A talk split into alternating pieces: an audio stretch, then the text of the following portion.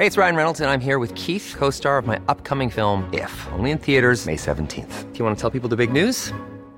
All right, I'll do it. Sign up now and you'll get unlimited for $15 a month in six months of Paramount Plus Essential Plan on us. Mintmobile.com slash switch.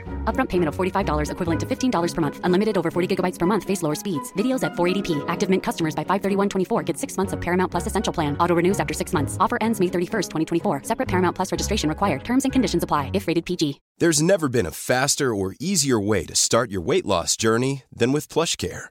PlushCare accepts most insurance plans and gives you online access to board-certified physicians who can prescribe FDA-approved weight loss medications like Wigovi and Zepbound for those who qualify. Take charge of your health and speak with a board-certified physician about a weight loss plan that's right for you. Get started today at plushcare.com slash weight loss. That's plushcare.com slash weight loss. plushcare.com slash weight loss. I'm Sandra, and I'm just the professional your small business was looking for. But you didn't hire me because you didn't use LinkedIn jobs. LinkedIn has professionals you can't find anywhere else, including those who aren't actively looking for a new job but might be open to the perfect role, like me.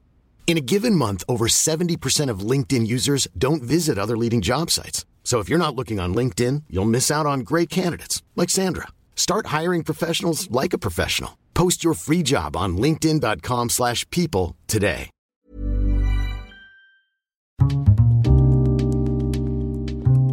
Programmet handlar om en noga utvald bok och ett samtal med dess författare. Välkommen till Lära från lärda. Fredrik Hilleborg vid micken den här veckan igen och jag har en bok i min hand som jag har läst. Den heter Det är vi som äger. En bok om sociala kooperativ. Mitt emot mig, välkommen Fredrik Bergman. Tack. Jag brukar alltid börja med att gästen får presentera sig. Okej, jag har från början jobbat som journalist. Sen liksom, jag trivdes aldrig riktigt i den rollen. Att vara så här utomstående betraktare. Jag vill vara kötta och vara, sitta i skiten. Och, jag, och då liksom ramlade jag in i detta att arbeta med sociala kooperativ för det är ju 2004, det är 20 år sedan i år. Och vi startade ett eh, sånt här socialt kooperativ i Växjö, Macken, runt eh, att eh, reparera och sälja grejer som slängdes på återvinningscentralen. Och det här var väldigt ovanligt vid den tiden. Och sen jobbade jag med det i massa år och flyttade sen till Stockholm och här har vi dragit igång också ett socialt kooperativ som heter Street Business runt hemlösas kompetenser. Att eh, hemlösa ska kunna tjäna stålar. Så att jag har varit väldigt fångad av detta ämne, om jag ska presentera mig. När jag började med arbeta med den här sortens företagande så var jag helt såld. Och detta är vad jag har velat hålla på med i mitt liv kan jag säga. Mm. Och jag har ju aldrig haft det här ämnet uppe förut, sociala kooperativ. Jag tänker att vi kan börja i den änden vad det är för någonting. Du beskriver också i Ja. början på boken. Ja, precis. Det är ju eh, företag med syftet egentligen, det primära syftet att kunna ge människor som har blanka CVn eller inte arbetat på massor med år utkomst och arbete. Mm. Det är ju, eh, och hitta då nischer och näringar där det skulle vara möjligt. Utifrån vilka grupper man kanske arbetar med då. Just om man hör ordet kooperativ, då tänker jag i alla fall på Coop. Ja, det här är ju så djupt sorgligt i Sverige. att vi, vi har lantbrukskooperationen som var alldeles självklar jättelänge. Vi har liksom skogskooperation och, och så vidare. Men idag är denna företagsform så ovanlig eller outbildade. Det finns ju nästan inga utbildningar i kooperation. Så att det, är liksom, det har blivit en särart nästan. Och ändå är det ju, har alltid varit jättestort. Men nu, nu för tiden är det någon slags särart. Och det, det, det alla lär sig som läser ekonomi eller företagande är ju aktiebolag idag. Mm. Och, och det här är någon slags särart att människor äger ihop. Men jag, jag ville använda det här ordet. Jag vill liksom att det ska, det ska verkligen användas. Det ska inte döljas eller paketeras på annat sätt. Det finns ju de som driver kooperativ och i aktiebolagsform för att, för att det är lättare att gå till banken. Alltså jag förstår det verkligen att man gör det, men jag tycker också att eh, vi behöver restaurera och använda ordet kooperativ. Mm. Har du någon hisspitch till vad, vad säger du att boken handlar om? Ja, jag, min, min tanke med den här boken, för jag tycker att eh, Sverige är på efterkälken med den här sortens sociala kooperativ. Och till viss del har det berott på att det är då, dåliga affärsidéer. Alltså, det är skitsvårt att öppna ett fik i en stad med, som redan har flera fik och där fikakulturen är på tillbakagång. De, man vill inte äta kanelbullar längre och så vidare. Mm. Eller, eller eh, loppisar finns det också för många. Och jag tycker det har ofta varit hängiga affärsidéer. Det är en förklaring till att det inte gått som det borde i Sverige. Och, och då ville jag göra en bok om roliga och möjliga affärsidéer som skulle kunna spridas till varenda stad. Det var min tanke med den här. Mm. Och den är ju fylld med case, med, med massa exempel. Du är ute och möter människor, eller har mött människor som har alla möjliga affärsidéer och driver alla möjliga typer av sociala kooperativ. Ja, precis. Det... Både i Sverige och utomlands? Ja, både i Sverige och utomlands. Det var, mm. tänk, boken var tänkt att handla mest om Europa från början, men så kom corona och då var jag tvungen att tänka om. Liksom. Därför blev det de intressantaste jag kunde hitta i Sverige istället. Mm. Till stor del, men lite Europa. Och jag tänkte vi ska ta lite exempel från boken, för flera är ju riktigt bra idéer också. Ja, mm. kul. Men jag tänkte, om, bara för att skapa någon slags helhet, så här, hur ser det ut generellt i Sverige? Hur vanligt är det? Hur många finns det? Finns det något register eller hur ser alltså, det ut? De här företagen organiseras ju av Scopi, de arbetsintegrerande sociala företagens branschorganisation. Som tidigare hette det faktiskt, de eh, kooperativa de sociala kooperativens intresseorganisation. Det var ungefär 300 företag för 5-10 år sedan och nu är det, pratar man om 150. Så det går bakåt med det här. Samtidigt som det växer i stora delar av övriga Europa. Det är så otroligt sorgligt tycker jag. För det är så, det är så coola företag, många av dessa. Och det skulle, vi skulle verkligen kunna ha många fler. Mm. Så ungefär 150? Ja. Ska vi ge något exempel från boken, eh, bara till början? Jag tänker att vi kommer ta flera, men, men eh, när du var ute, har du någon favorit? Ja, jag har, jag har flera som jag bara älskar och som liksom mitt hjärta är fullt av på något vis. Va? En sån är eh, här i Stockholm, Steg för stegs redovisningsbyrå, som startades av eh, Schizofreniförbundet i i Stockholm för ganska länge sedan. Man liksom inventerade människor med psykossjukdomar som hör röster och, och, och har schizofreni. Vad, finns det någonting som den gruppen är bra på eller kan göra? Och man liksom såg att många här har ett bra ordningssinne och om de får räkna eller göra någonting som fångar deras uppmärksamhet, liksom strukturera, så eh, försvinner rösterna. Och då tog man kraft och startade Steg för stegs redovisningsbyrå som idag hjälper ett antal företag med redovisning. Och som har funnits länge och som är jättebra. Och jag tycker det är otroligt vackert. Steg för stegs redovisningsbyrå borde verkligen finnas i varje stad. Det, det är de som har satt upp också vissa sådana här, eh, alltså en metod eller eh, sätt att minska stress eh, kring det, eller hur? Om jag Precis. minns det rätt. Som var väldigt, också väldigt genomtänkt och smart. Precis, ja det är otroligt vackert. Alltså, de, de, de har två eh, anställda civilekonomer som är på våning ett när man kommer dit. Och de får kunderna möta. Och om då kunderna liksom har oro att vi måste få färdigt årsbokslutet här inom, eh, inom en månad. Så den diskussionen tar ekonomerna. Men våningen ovanför, där sitter de som sköter redovisningen, som har alltså psykossjukdomar. Och de ska inte utsättas för stressen, utan de möter inte härjande kunder, utan eh, det gör ekonomerna på nedervåningen, som sen går upp med materialet och det, och det liksom arbetas igenom där på... Mm. Långsiktiga planer. Jag, jag tror också att de tar betalt per, per vad var det, i, i månad, inte per timme. Ja, och sådär. Mm. Det, det var flera delar som jag tyckte var intressant och som jag tänker att även andra företag kanske också borde anamma ibland. Alltså att man gör en setup som drar ner, som ska motverka risken för stress.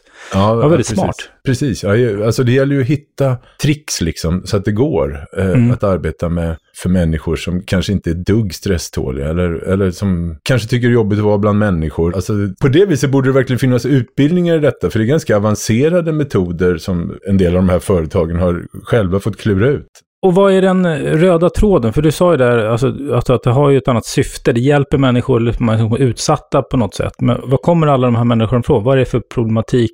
Ja, det kan ju vara olika problematik. Så det finns ju, i den här boken så är ju kooperativ som vänder sig till människor med missbruk, eh, haft svårt att hitta arbete. Det kan vara, som vi sa, psykossjukdomar, det kan ju vara eh, människor med, med synskada, det kan ju vara eh, långtidsarbetslösa invandrare, liksom, det kan vara ett kooperativ för somaliska kvinnor. Alltså det, det, det genomgående är att det, syftet är att människor som har svårt att ta sig in på en allt mer slimmad arbetsmarknad ska kunna jobba. Och ofta är det ju med stor kreativitet det här har utvecklats. Så det är väldigt spännande tycker jag.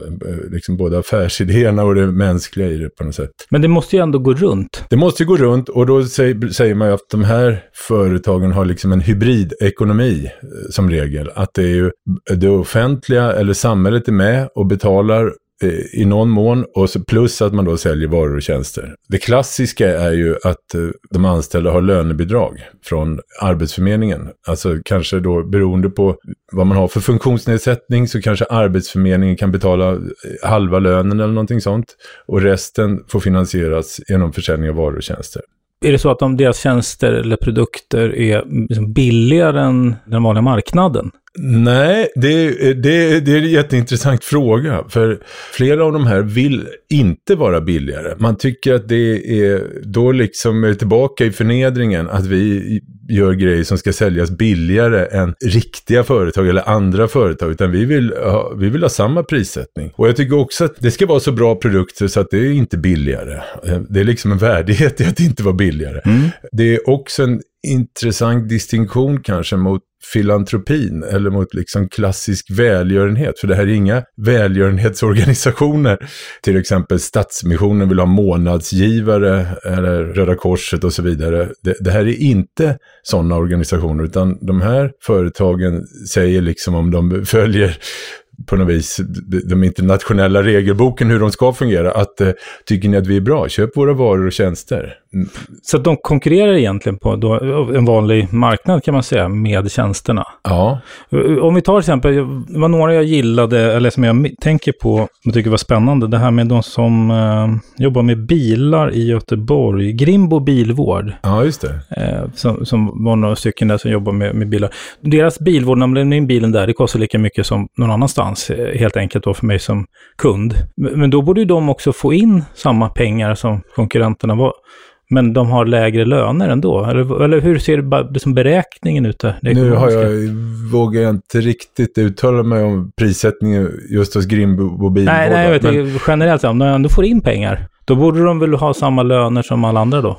Ja, men då kanske att man inte orkar arbeta i samma tempo eller att det liksom man vaxar en bil men det går inte lika fort och man ah, gör okay. inte på löpande band. Mm. Men däremot när jag var där så höll de ju på att vaxa. Det kanske är fyra människor hjälps åt att vaxa en bil. Och det liksom ett fantastiskt fint eh, handarbete eller hantverk. Man rafsar inte igenom den här bilen utan den är verkligen, det är verkligen välgjort. Va? Nej. Men ekonomin ser i alla fall ut så att man, får, eh, man kan få viss bidrag eller arbets... Eh... Lönebidrag alltså. Ja, precis. Lönebidragsanställning. Lönebidrag. Eller så har det ju funnits i Sverige sådana här extratjänster och fas 3-platser och sånt där. Men det, mm. det här är ju jag ville inte skriva så mycket om företag som tar emot mycket praktikanter. För nu har vi haft ett sådant system ganska länge i Sverige. Och när jag själv arbetar med street här i Stockholm så är det ju i gruppen människor med missbruk så är det många som har haft praktikplatser i det enda arbete de har haft. Liksom. Man har praktiserat på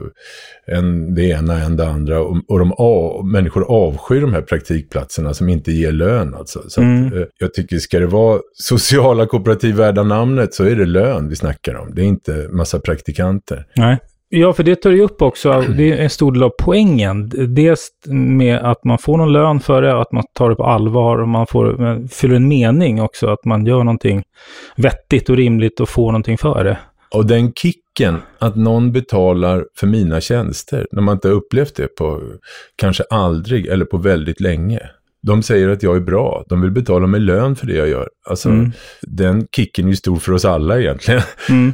Och i flera av de här verksamheterna, de säger att det, det, är också, ja men det här kan ju vara första jobbet, sen kan man gå vidare, man bygger upp CVt och Precis. tar den vägen. Jag hörde om en person som har just jobbat på Steg för Stegs redovisningsbyrå och som har haft psykossjukdomar och som nu jobbar på en alldeles vanlig firma med redovisning och hade det som mål att ta sig därifrån och söka jobb på en helt vanlig firma och inte nämna att hon tidigare hade psykossjukdomar. Och det har gått bra. Och det var liksom den personens mål att kvala in bland de så att säga vanliga. Och, och det, här, det finns ju flera sådana historier, men mm. samtidigt eh, är det inte säkert att det är lyckligare att jobba på en vanlig firma. Nej, precis. Ett annat case är det här, den här stadsvandringen i Köpenhamn. Ja, Och då är det många som är före detta narkomaner, eller liksom levt eh, ute, som har levt ute på gatan och haft massa olika eh, problem, som håller i vandringar. Ja. Eller hur? Med guidade rundvandringar. ja precis. Gadden stämmer i Köpenhamn. Ja, kan du berätta lite om det? Detta finns ju i nästan alla Europas storstäder. Vi har faktiskt det i Stockholm också numera, med Street. Men eh, vi har knyckt våra idéer och inspirerats av danskarna i Gaden stämmer. Och detta är ju människor som har levt hårda liv i Köpenhamn, alltså med missbruk kanske, prostitution och allt möjligt. De, de riktigt hårda liven som berättar om en, en annan del av Köpenhamn, liksom berättar om hur det är att, eh, att leva i utsatthet och hur eh, Danmark fungerar när man faller igenom alla skyddsnät. Och det blir ju en slags vandrande socialhistoria. Och, så, man berättar utifrån sina kvarter där man kanske har bott i portuppgångar eller, eh, ja, be, be, eller på härbergen eller på en toalett och så vidare. Och, Du var där och gick en sån? Eller? ja, just det. Men handl- blir då ämnet att, ja, här, alltså det handlar om det? Att, ja, här brukar vi sova ute och där gjorde vi det. Och, alltså är det det som är fokus på vandringen? Ja, men det är också, eh, kan också vara socialhistoria att eh, eh, Köpenhamn har haft hemlösa i 300 år och det här är den första fattigstugan som byggdes på 1700-talet och så vidare. Och, eh, alltså sätta sig in i margin- marginaliserade gruppers liv eh, under två timmar. Eh, eh, och detta betalar ju människor för. Och jag, alltså jag tror att de flesta som har gått en sån här vandring får samtalsämnen för en hel helg efter och bara smälta liksom vad man har hört och, och över kanske samhällets orättvisor och så vidare. Och, men- tanken med Gaden stämmer var också att eh, kunna ge arbete åt människor som är aktiva i sitt missbruk, som liksom verkligen använder droger dagligen. Att eh, vara var nykter ett par timmar och berätta om ditt liv eh, och få betalt. Mm. Och sen kanske det blir att man plötsligt får man vandringar två gånger i veckan. måste man vara nykter två dagar i veckan. Tre. Alltså, alltså det här är, det, det är också en intressant eh, skillnad mot, i Sverige har vi ju haft liksom, när det gäller de här grupperna, människor med aktiva missbruk, så har man liksom alltid tänkt att du, kan inte börja arbeta förrän du är helt nykter. Först måste du gå avgiftningar, så måste du liksom ha en stämpel i ryggen, godkänd, avgiftad, nu kan du arbeta. Men många människor som kanske har använt alkohol eller droger i decennier har svårt att bli nyktra på det sättet, utan, men man kan vara nykter en dag eller två. Eh, Och och då är det också fint om det finns arbete och, och, det, och förmodligen mycket större odds att hitta arbete om man inte tänker 100% nykterhet utan tänker harm reduction. Alltså att vi ska alla få ett bättre liv och betala en människa för den personens kompetens. Alltså. Och vissa av de här har ju också eh, dagliga kontroller när de kommer till jobbet. Just det där med om man har druckit eller tagit något och så vidare. Eh, beskriver du. Precis, kul, du har verkligen läst boken. Eh, eh, men det, det måste vara A-lagets allservice i Östersund du tänker på där. Ja, För eh, de hade ett fantastiskt kooperativ. De, ja, snacka om, de kan man också känna man bara älskar. Alltså, det var människor på A-lagsbänken i Östersund som hade för lite att göra och drog igång sin ekonomiska förening för 12-13 år sedan någonting. Eh, som är, de visste inte vad, för att göra fixartjänster, hjälpa Östersundsborna med små flyttar och liksom städuppdrag och klippa häckar och så här. Och de, de kallade sig för det de är, A-lagets allservice. De heter A-lagets allservice. Folk trodde ju att det här, det här är ett skämt liksom, att gänget på A-lagsbänken ska starta firma. Men det här kooperativet har nu funnits så länge och, och det går bra. Och fler, alltså ett an, stort antal Östersundsbor anlitar dem för snöskottning, klippa häckar och så vidare. Där finns det ju ett intressant solidariskt samarbete kan man säga med att eh, Östersundsborna vill hjälpa till så att eh, de här människorna ska arbeta. Det, det, och de är helt etablerade idag. Men eh, de fick ju, var ju tvungna att göra någonting för att människor måste vara nyktra när de ska ut i arbete. Om man ska ut och jobba med flyttar och så. Så där vet jag att det är, man blåser varje morgon. En annan fråga är ju det här, när, när, om man ska ha då, ja men som i det här fallet, men, men också, jag tänker generellt, folk som eh, har um, problem med, eller har haft eller har droger, alkohol och, och så vidare. Kan det inte dels uppstå liksom konflikter, alltså blir saker gjorda? Kan det bli, bli det rörigt eller uppstå problem kring det här? Alltså det är människor som inte har ett helt oproblematiskt förflutet. Och, och jag kan tänka mig att vissa är, kan vara lite röriga också som personer. det är jätteintressant fråga även det. här, här, här, finns ju massa exempel på mm. när man eh, låter, eller när människor, man kanske har för hög tilltro till människor som inte arbetat på 30 år och bara krökat. Att du kan sköta bokföring fast du aldrig har gjort det och mm, fast mm. du ganska sällan är nykter. Och då, det, det kan ju gå åt skogen såklart. Så det finns ju sådana exempel också. De är inte med i boken, men där man har varit naiv och, och trott att eh, allt är möjligt bara för att sociala kooperativ är så vacker grej. Men eh, om jag får referera till, till vår förening här i Stockholm som jag är engagerad i, Street, så är ju, vi har sagt att en majoritet i styrelsen ska komma från det hårda livet och en min minoritet är utbildad i ekonomi och annat, kommer från det mjuka livet. Och det tycker jag känns ganska bra. Jag vet att... Eh, alltså i organisationen? Ja, i organisationen. Alltså begära att alla ska komma från liksom kanske hemlöshet utan utbildning, det, det, det är ju lite dömt, eller väldigt riskabelt. Så att det är ju bra att ha med någon ekonom med riktig utbildning och någon som kanske kan personaladministration och så vidare. Alltså, det, detta pratar exempelvis Tore Hansson som intervjuad med RSMH i Fjällsjö, där människor med psykiska funktionsnedsättningar gick samman och köpte ett höghus som skulle rivas, som de öppnade hotell i. Det är ju... Intill sjukhuset där. Intill sjukhuset, ja det tycker mm. jag är bland det coolaste i boken. De mm. köpte ett höghus för 20 spänn och driver nu eh, ett eh, hotell och har blivit ortens största arbetsgivare. Samtliga på lönelistan har funktionsnedsättningar. Men Tore säger att det vore dumt att inte ha starka människor också med i styrelsen. Om, de, om dessa människor med funktionsnedsättningar skulle krascha, att styrelsen kraschar och allt, hela hotellet kraschar för att man inte har kunskaper, då blir det bara ett jättelikt misslyckande som vore så tragiskt. Så att eh, han verkligen poängterar att hela styrelsen eller ledningen kan inte komma från liksom, människor som inte arbetat på jättelänge och, har, och är väldigt känsliga eller har mm. funktionsnedsättning, utan det får ju, några måste vara lite starka också om det ska funka. Mm. Och, och sen det här med ägarskapet och chefskapet. Eh, dels är det ju många som har det här att man blir medlem eller man betalar en årsavgift, eller hur, för att mm. vara med. Sådär. Mm. Och att det är en viktig del. Jag, jag, jag tänker på um, Frasses fulflyttar i Malmö som pratar om att man inte liksom, just här med chef, inte ska ha en chef som, som det dit alla pengarna går, så att säga, i organisationen. Ja. Men, men om vi tar det här med, med ägarskap och strukturen på att det är en förening, alla är med. Ja. För, för det känns också som, jag uppfattar det som en ganska viktig del, att ja, men du är med här, du är med och tar ansvar, du är en del ja. av det, kanske med på styrelsemötena och, och så vidare. Och så vidare. Ja. ja. De har lite olika struktur, men det är ändå en röd tråd. Mm. Eller hur? Är inte det en ganska viktig ingrediens? Jo, jag tycker det. Och sen kanske jag har ju tyckt det är urvalet av de här. Sen så kanske det borde göras en till bok om eh, hyggliga ICA-handlare som ger jobb åt eh, människor som inte har jobbat på länge. Alltså det, ja, det finns också den. Okay. Jag menar, det, menar detta, jag, kanske har jag varit så såld på detta så jag inte har sett det riktigt. Eh, det, det är som för en annan bok. Eller alltså, det är också väldigt intressant att när människor får jobb på alldeles vanliga företag så att säga och de görs om eller ställs om så att det ska funka för en, för en människa som har liksom en bräcklighet på olika sätt. Mm. Eh, det är också väldigt intressant, men det handlar inte den här boken om. Men, men eh, numera tycker jag att det är också väldigt intressant. Eh, utan det här är ju företag med syftet att kunna anställa människor som inte har jobbat på jättelänge. Det är liksom företagets huvudsyfte. Och,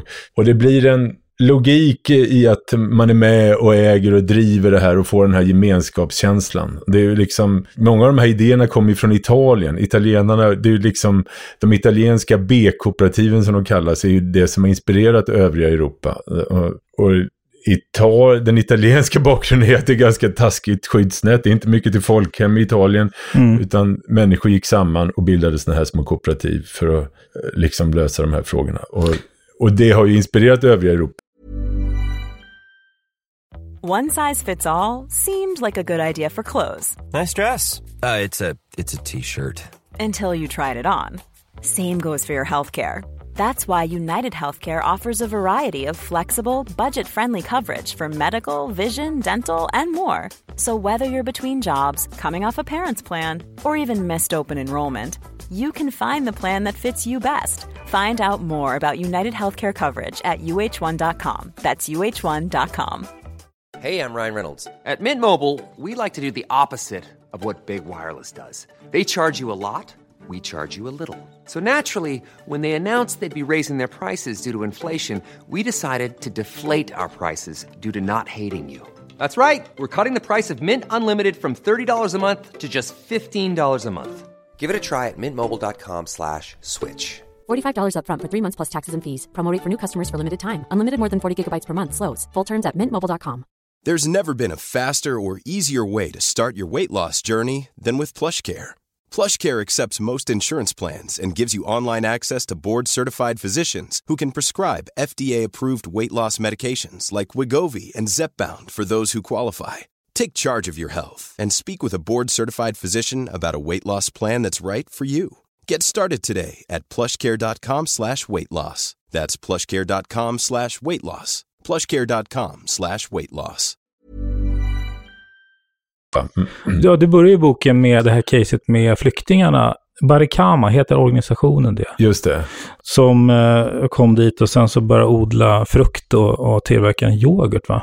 Ja, just det. Eh, där de har ett ladd. Alltså det lät ju, alltså ver- verkligen ta fram och ut och säljer på marknader och sådär. Har fått världens spinn på det där.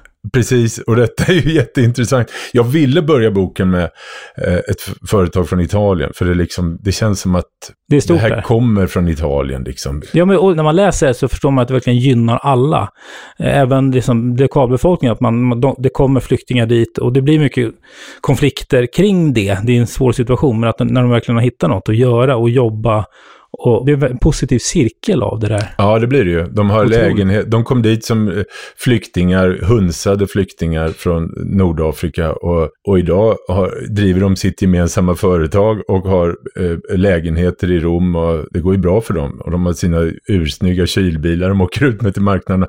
Det här tycker jag också borde inspirera eh, i, i övriga Europa eller i Sverige. Alltså här har vi underbetalda eh, rumänska jordgubbsplockare till exempel. Istället för att vara en underbetald rumänsk jordgubbsplockare som kommer till Sverige varje sommar så kunde de här jordgubbsplockarna gå ihop och arrendera en åker och bli arrendebönder. Alltså att odla och driva företag istället. Det var ju precis så de gjorde i Barikama. Mm. Eh, jätteintressant perspektivskifte att eh, gå från, liksom, från jordproletariat till arrendebönder. Och de har haft en markägare där också, som, som där liksom har, de har hittat en deal och ett sätt att båda tjänar på det. Precis, det var ju en, han var ju väldigt intressant tycker jag. Intervjuade den här bonden som de har ärvt den stora gården i generationer. Men han, egentligen ville inte han vara bonde. Han ville göra liksom sociala eller politiska insatser upplevde jag. Och att på det här viset arrendera ut åkrar till de här flyktingarna från Nordafrika. Eh, då kände han att eh, han gjorde något skitbra av sin gamla eh, liksom släktgård. Så det var ju en intressant del av förutsättningen att det gick att hitta en sån bonde. Men också när man läser om de här så kan man ju förstå att det, det gör ju nytta, men det måste ju också göra nytta för kommunerna, för samhällena. Men relationen till kommunerna ser ju lite olika ut. Ja, Sverige är skevare liksom. Det är så djupt tragiskt tycker jag. Att, att eh, det är så okunskapen om den här sortens företag och vad de behöver för jordmån för att överhuvudtaget kunna leva är så jävla dålig i Sverige. Så att eh, istället för att backa upp de här och skapa förutsättningar till dem så, så liksom tycker kommunerna i Sverige, vad- jaha vad kul, här, här är människor med psykiska funktionsnedsättningar som kan driva ett hunddagis. Ja, men då kan vi starta ett hunddagis i kommunal regi också. Och så konkurrerar man ut det. Och Sverige har ju blivit fullt av kommunala loppisar, kommunala bilrekonditioneringar, hunddagisar, kommunala restauranger, bagerier som tränger ut de här företagen. Det är en del av förklaringen till varför det inte funkar i Sverige. Att kommunerna driver näringsverksamhet Som försöker göra samma sak. som gör samma sak. Och, och, och, men varför funkar inte det då? men det är ju, ja, dels har de ju liksom sina trygga kommunala anställningar och de har ofta subventionerade lokaler. Sen nästan alltid är det prisdumpning. Sen så, eh, det här är en ideologisk fråga. Jag tycker inte, jag har varit mycket i Belarus, jag tycker inte det är kul med den sovjetiska affärsmodellen att ha statliga butiker. Alltså, ja, det, det har ihjäl alla privata företag oavsett om det är sociala kooperativ eller alldeles vanliga eh, skomakare och bagerier. Att eh, när det offentliga prisdumpar och öppnar egna bagerier. Jag tycker det är ett oskick eh, som florerar i Sverige. Och för många, när man pratar med andra länder så de tycker det är häpnadsväckande med kommunala bagerier. Eh, och... Okej, okay, ja, de går hela vägen så att de ska liksom driva det själva. De driver In, det själva, de, ja. För det är inte att de bidrar. För i, i, vissa kommuner så fungerar det ju ändå ganska bra. Alltså vissa exempel, alltså relationen där. Alltså, ja, just det. Det finns ju liksom, absolut. Det, exempelvis eh, eh, Sala finns med i boken där, där det sociala kooperativet driver en loppis med, som eh, liksom samlar in grejer på den kommunala återvinningscentralen. Och, i, och tidigare gjordes detta i kommunal regi, en, en, liksom en kommunal loppis. Men den var loj och den hade för svag lönsamhet, kostade skattebetalarna massa pengar. Och då var det ju faktiskt två politiker i Sala som ihop med den tidigare personalen då startade det här som ett socialt kooperativ istället. Och nu funkar det ju bra och de har kunnat anställa många fler. Man driver det mycket proffsigare affärsmässigt och så vidare. Så vad, vad, krävs då för att det ska fungera? Vad är det för ingredienser? Ja, det krävs ju, om, alltså, på, det skulle jag säga, på platser där kommunerna nu har öppnat sådana här dumpingbagerier till exempel, det är ju ingen mening att starta ett, något, något socialt företag där. Det kommer ju inte gå. Alltså, det, de har ju förstört marknaden. Så, eh, så det, det, det, återigen, det krävs ju ett viss respekt eller samarbete med det omgivande samhället. Både att man har bra produkter och pr bra varor och tjänster att sälja, men också att kommunen har någon slags eh, sympati och förståelse och supportare och inte försöker ha ihjäl det. Och att kanske det finns ett arbetsförmedlingskontor kvar fortfarande som man kan förhandla med om lönebidrag. Det må, alltså, någon form av samarbete med samhället måste finnas. Det är ju också väldigt intressant när man pratar om de här företagen, var hör de hemma politiskt? Och jag jobbade ju med Macken i Växjö då under många år och eh, vi ville gärna ha samarbete med politiken och med partierna och sådär. Och det var, det var hela tiden två partier som samarbetade med oss och som hjälpte till och var lite volontärer. Så det var Moderaterna och Vänsterpartiet. Och det tycker jag är ungefär bilden av vad de här hör hemma politiskt. de har ju liksom, å ena sidan kan moderater säga att det här är vackert, det här är entreprenörskap för alla människor. Det här är entreprenörskapets kärna, att även de utsatta grupperna startar och driver företag. Mm. Och så kan, och vänster, vänstern kan säga liksom det här är ju nästan socialism på riktigt. Man äger och driver det ihop i föreningsform. Men så idag så kan jag nog känna att det finns, okunskapen är framför allt det som gäller. Alltså det talas för lite om det, det uppmärksammas för lite, skrivs för lite om de här företagen och de för en tynande tillvaro. Mm. Istället så får vi fler och fler kommunala bagerier på något vis. Men vissa av dem har också fått mycket utmärkelser och priser. Ja, eh, visst.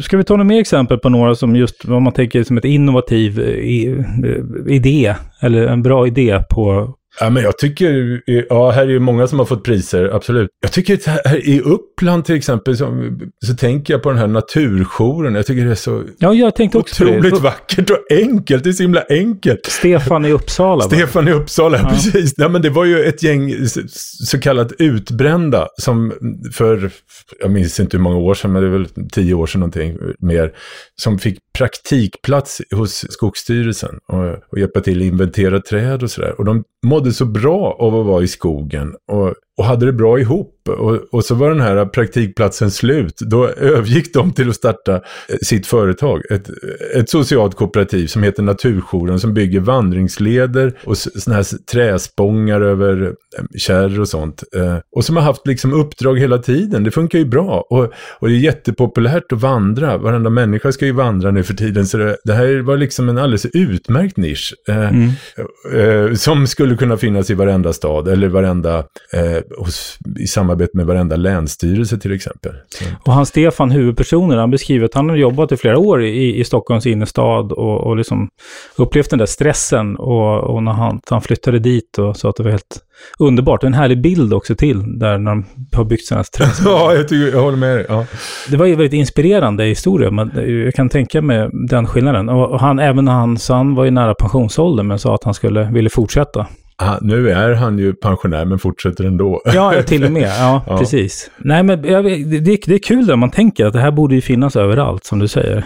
Ja, jag tycker det. De, en, en rolig grej, när, när, forskarna studerar de här så har de en uh, sällsynt överlevnadsförmåga. Dels är det många människor, men liksom om en hoppar av eller om de kraschlandar lite så brukar de ofta återuppstå. De liksom reser sig hela tiden de här och det är på ett väldigt intressant sätt för det kanske om en ett företag som ägs av en människa eh, som blir stukad eller så, det orkar inte resa sig. Men det här, eh, de här krafterna samlar ihop sig, de liksom konsoliderar sig på nytt och på nytt. Det tycker jag jag har sett också när jag besökt dem. På, det är väldigt intressant.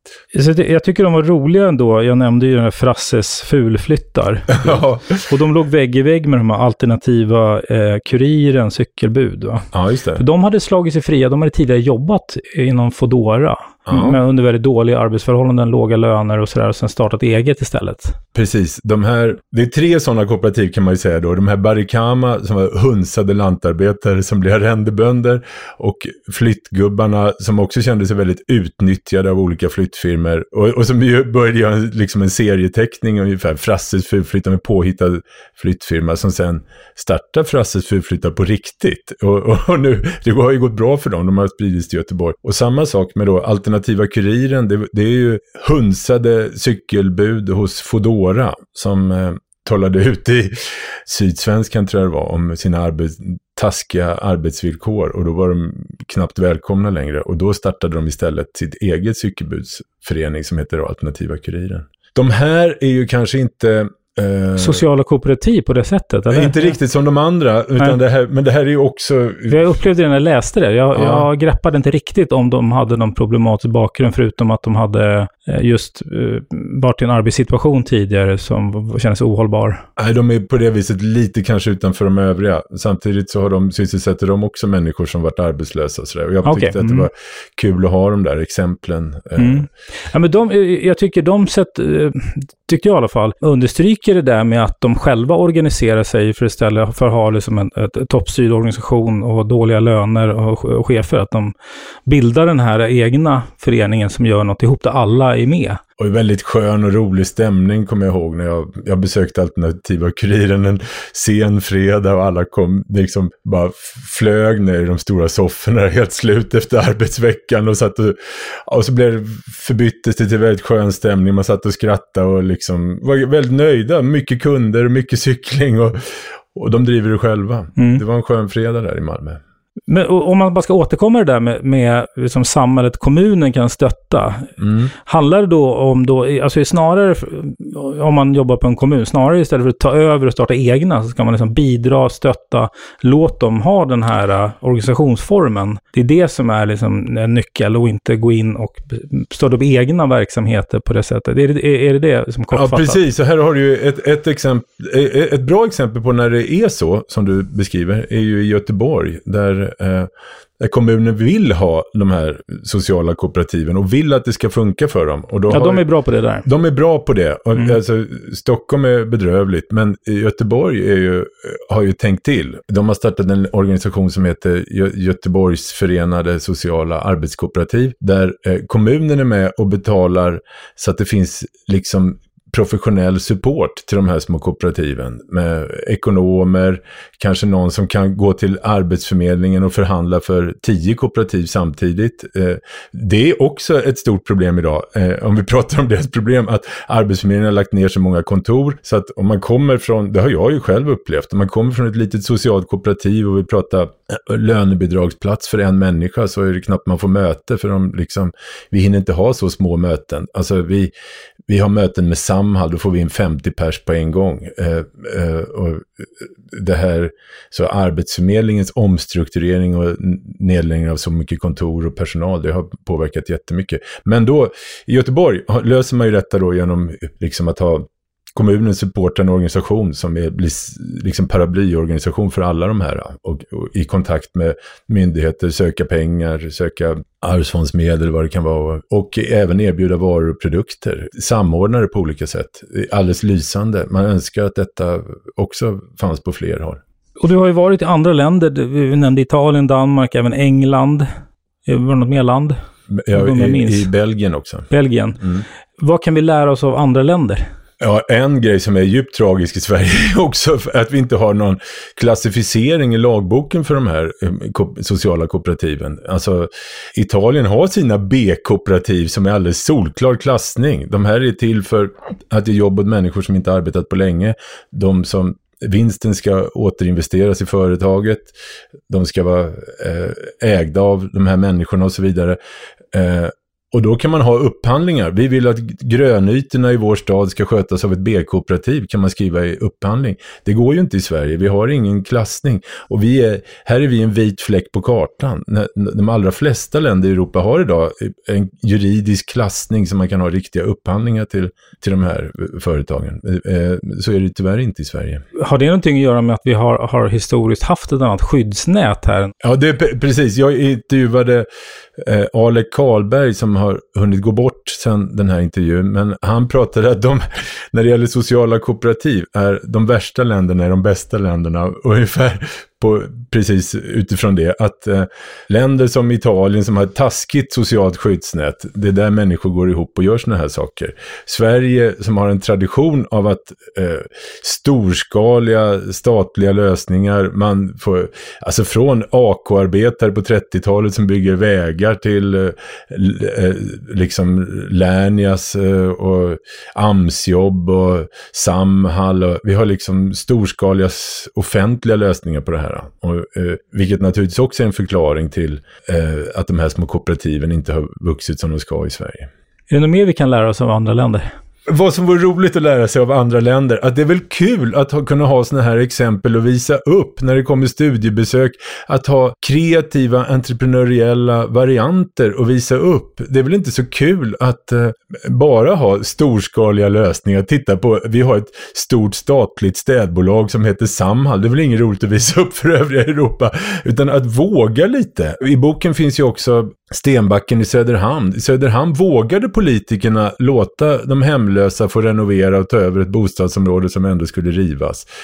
det kan man ju säga också i Fjällsjö. Man låtade, vågade låta människor då som har eh, haft krångel med, med, med, psyk att, att få köpa det här höghuset för 20 spänn och öppna hotell. Det, det, någonstans så krävs det ju lite modiga politiker som vågar ta sådana beslut och, och, och vågar tro på någonting. Att eh, liksom våga gå utöver storskaliga offentliga lösningar. Det, det, det är väl någonting vi kan lära av andra länder. När det gäller att ta över tomma fastigheter är ju England jätteintressant till exempel. Som Just det, de har regelverk till och med att, eh, precis om det har stått tomt en viss tid va? Ja så, så kan någon annan, om man, man kan flytta dit eller man kan få ägarskap eller hur, något ja, sånt där. Ja, precis. Man har rätt att förhyra då om det, om det inte är någon som har använt det på länge. Alltså ja. man kan Spännande. aktivt uppvakta en kommun som har tomma hus, vilket är nästan omöjligt i Sverige, eller betydligt svårare här. Så det vore ju kul om det fanns en eh, kreativ eh, entreprenörsanda för den här sortens företag även i Sverige. Det kan man önska. Mm. Utifrån de här resorna eh, och alla de du har mött, vill du nämna någonting som du känner att det här hade inte jag tänkt på innan? Nej, men jag tycker att jag har lärt mig att de måste ha en bra affärsidé. Mm. De det, det, det räcker inte bara att vilja äh, göra någonting, utan det måste vara en affärsidé som funkar. På det mm. viset har de en likhet med alla andra företag. Och sen kan man säga att äh, ett bra ledarskap finns i nästan alla de här. Och då, då det, det, detta motsäger ju lite att vi har inga chefer, här är alla med och äger. Det finns ju, skulle jag säga, i nästan alla de här, även om man inte alltid pratar om det, så finns det ett ganska, det finns någon som har idén. Eh, det behöver inte vara en människa, det kan vara en människa som har eh, haft idén och som bär den under lång tid och, och får med alla i den här idén och som har en slags inspirerande ledarskap. Det skulle jag säga finns i många av de här företagen. Jag, alltså, jag tycker det är ganska skönt när Tore Hansson i Fjällsjö säger att det är självklart att vi måste ha en ledare. På, för det, det finns Alltså, ledande i de här företagen ser inte ut som hos Wallenberg kanske, men det, är ju, det finns ju ett eh, slags idémässigt ledarskap. För om, om man nu råkar bo i ett land där det här inte alls är tradition så måste det ju vara någon som bär idén och tror på den och får med de andra att detta är faktiskt möjligt. Vi, vi kan göra så här. Och, och den människan eh, i många av de här företagen så har, finns det en människa med länge, länge och har en kontinuitet liksom i, idémässig kontinuitet i, i ledarskapet. Och mm. den kanske inte behöver vara med i vardagen varje sekund, men den är med och finns där bakom och hejar på som en slags trygghet. Det, det kan jag se i många av de här företagen. Jag tänker att vi behöver runda av. Ja. jag brukar alltid avsluta med frågan, förutom att läsa boken, har du någon rekommendation som du vill skicka med till lyssnarna? Eh, köp varor och tjänster av de här företagen så är ni med och förändrar Sverige. Och om man lyssnar på det här och vill ställa någon fråga till dig, kan man hitta dig någonstans? Absolut. Uh, man kan hitta mig hos uh, Street i Stockholm. Uh, Street Business, Street Minds, det är två föreningar. Jag gör också den lilla företagspodden Firman och jag om den här sortens företag. Just det. Mm. Tack för att du var med. Tack.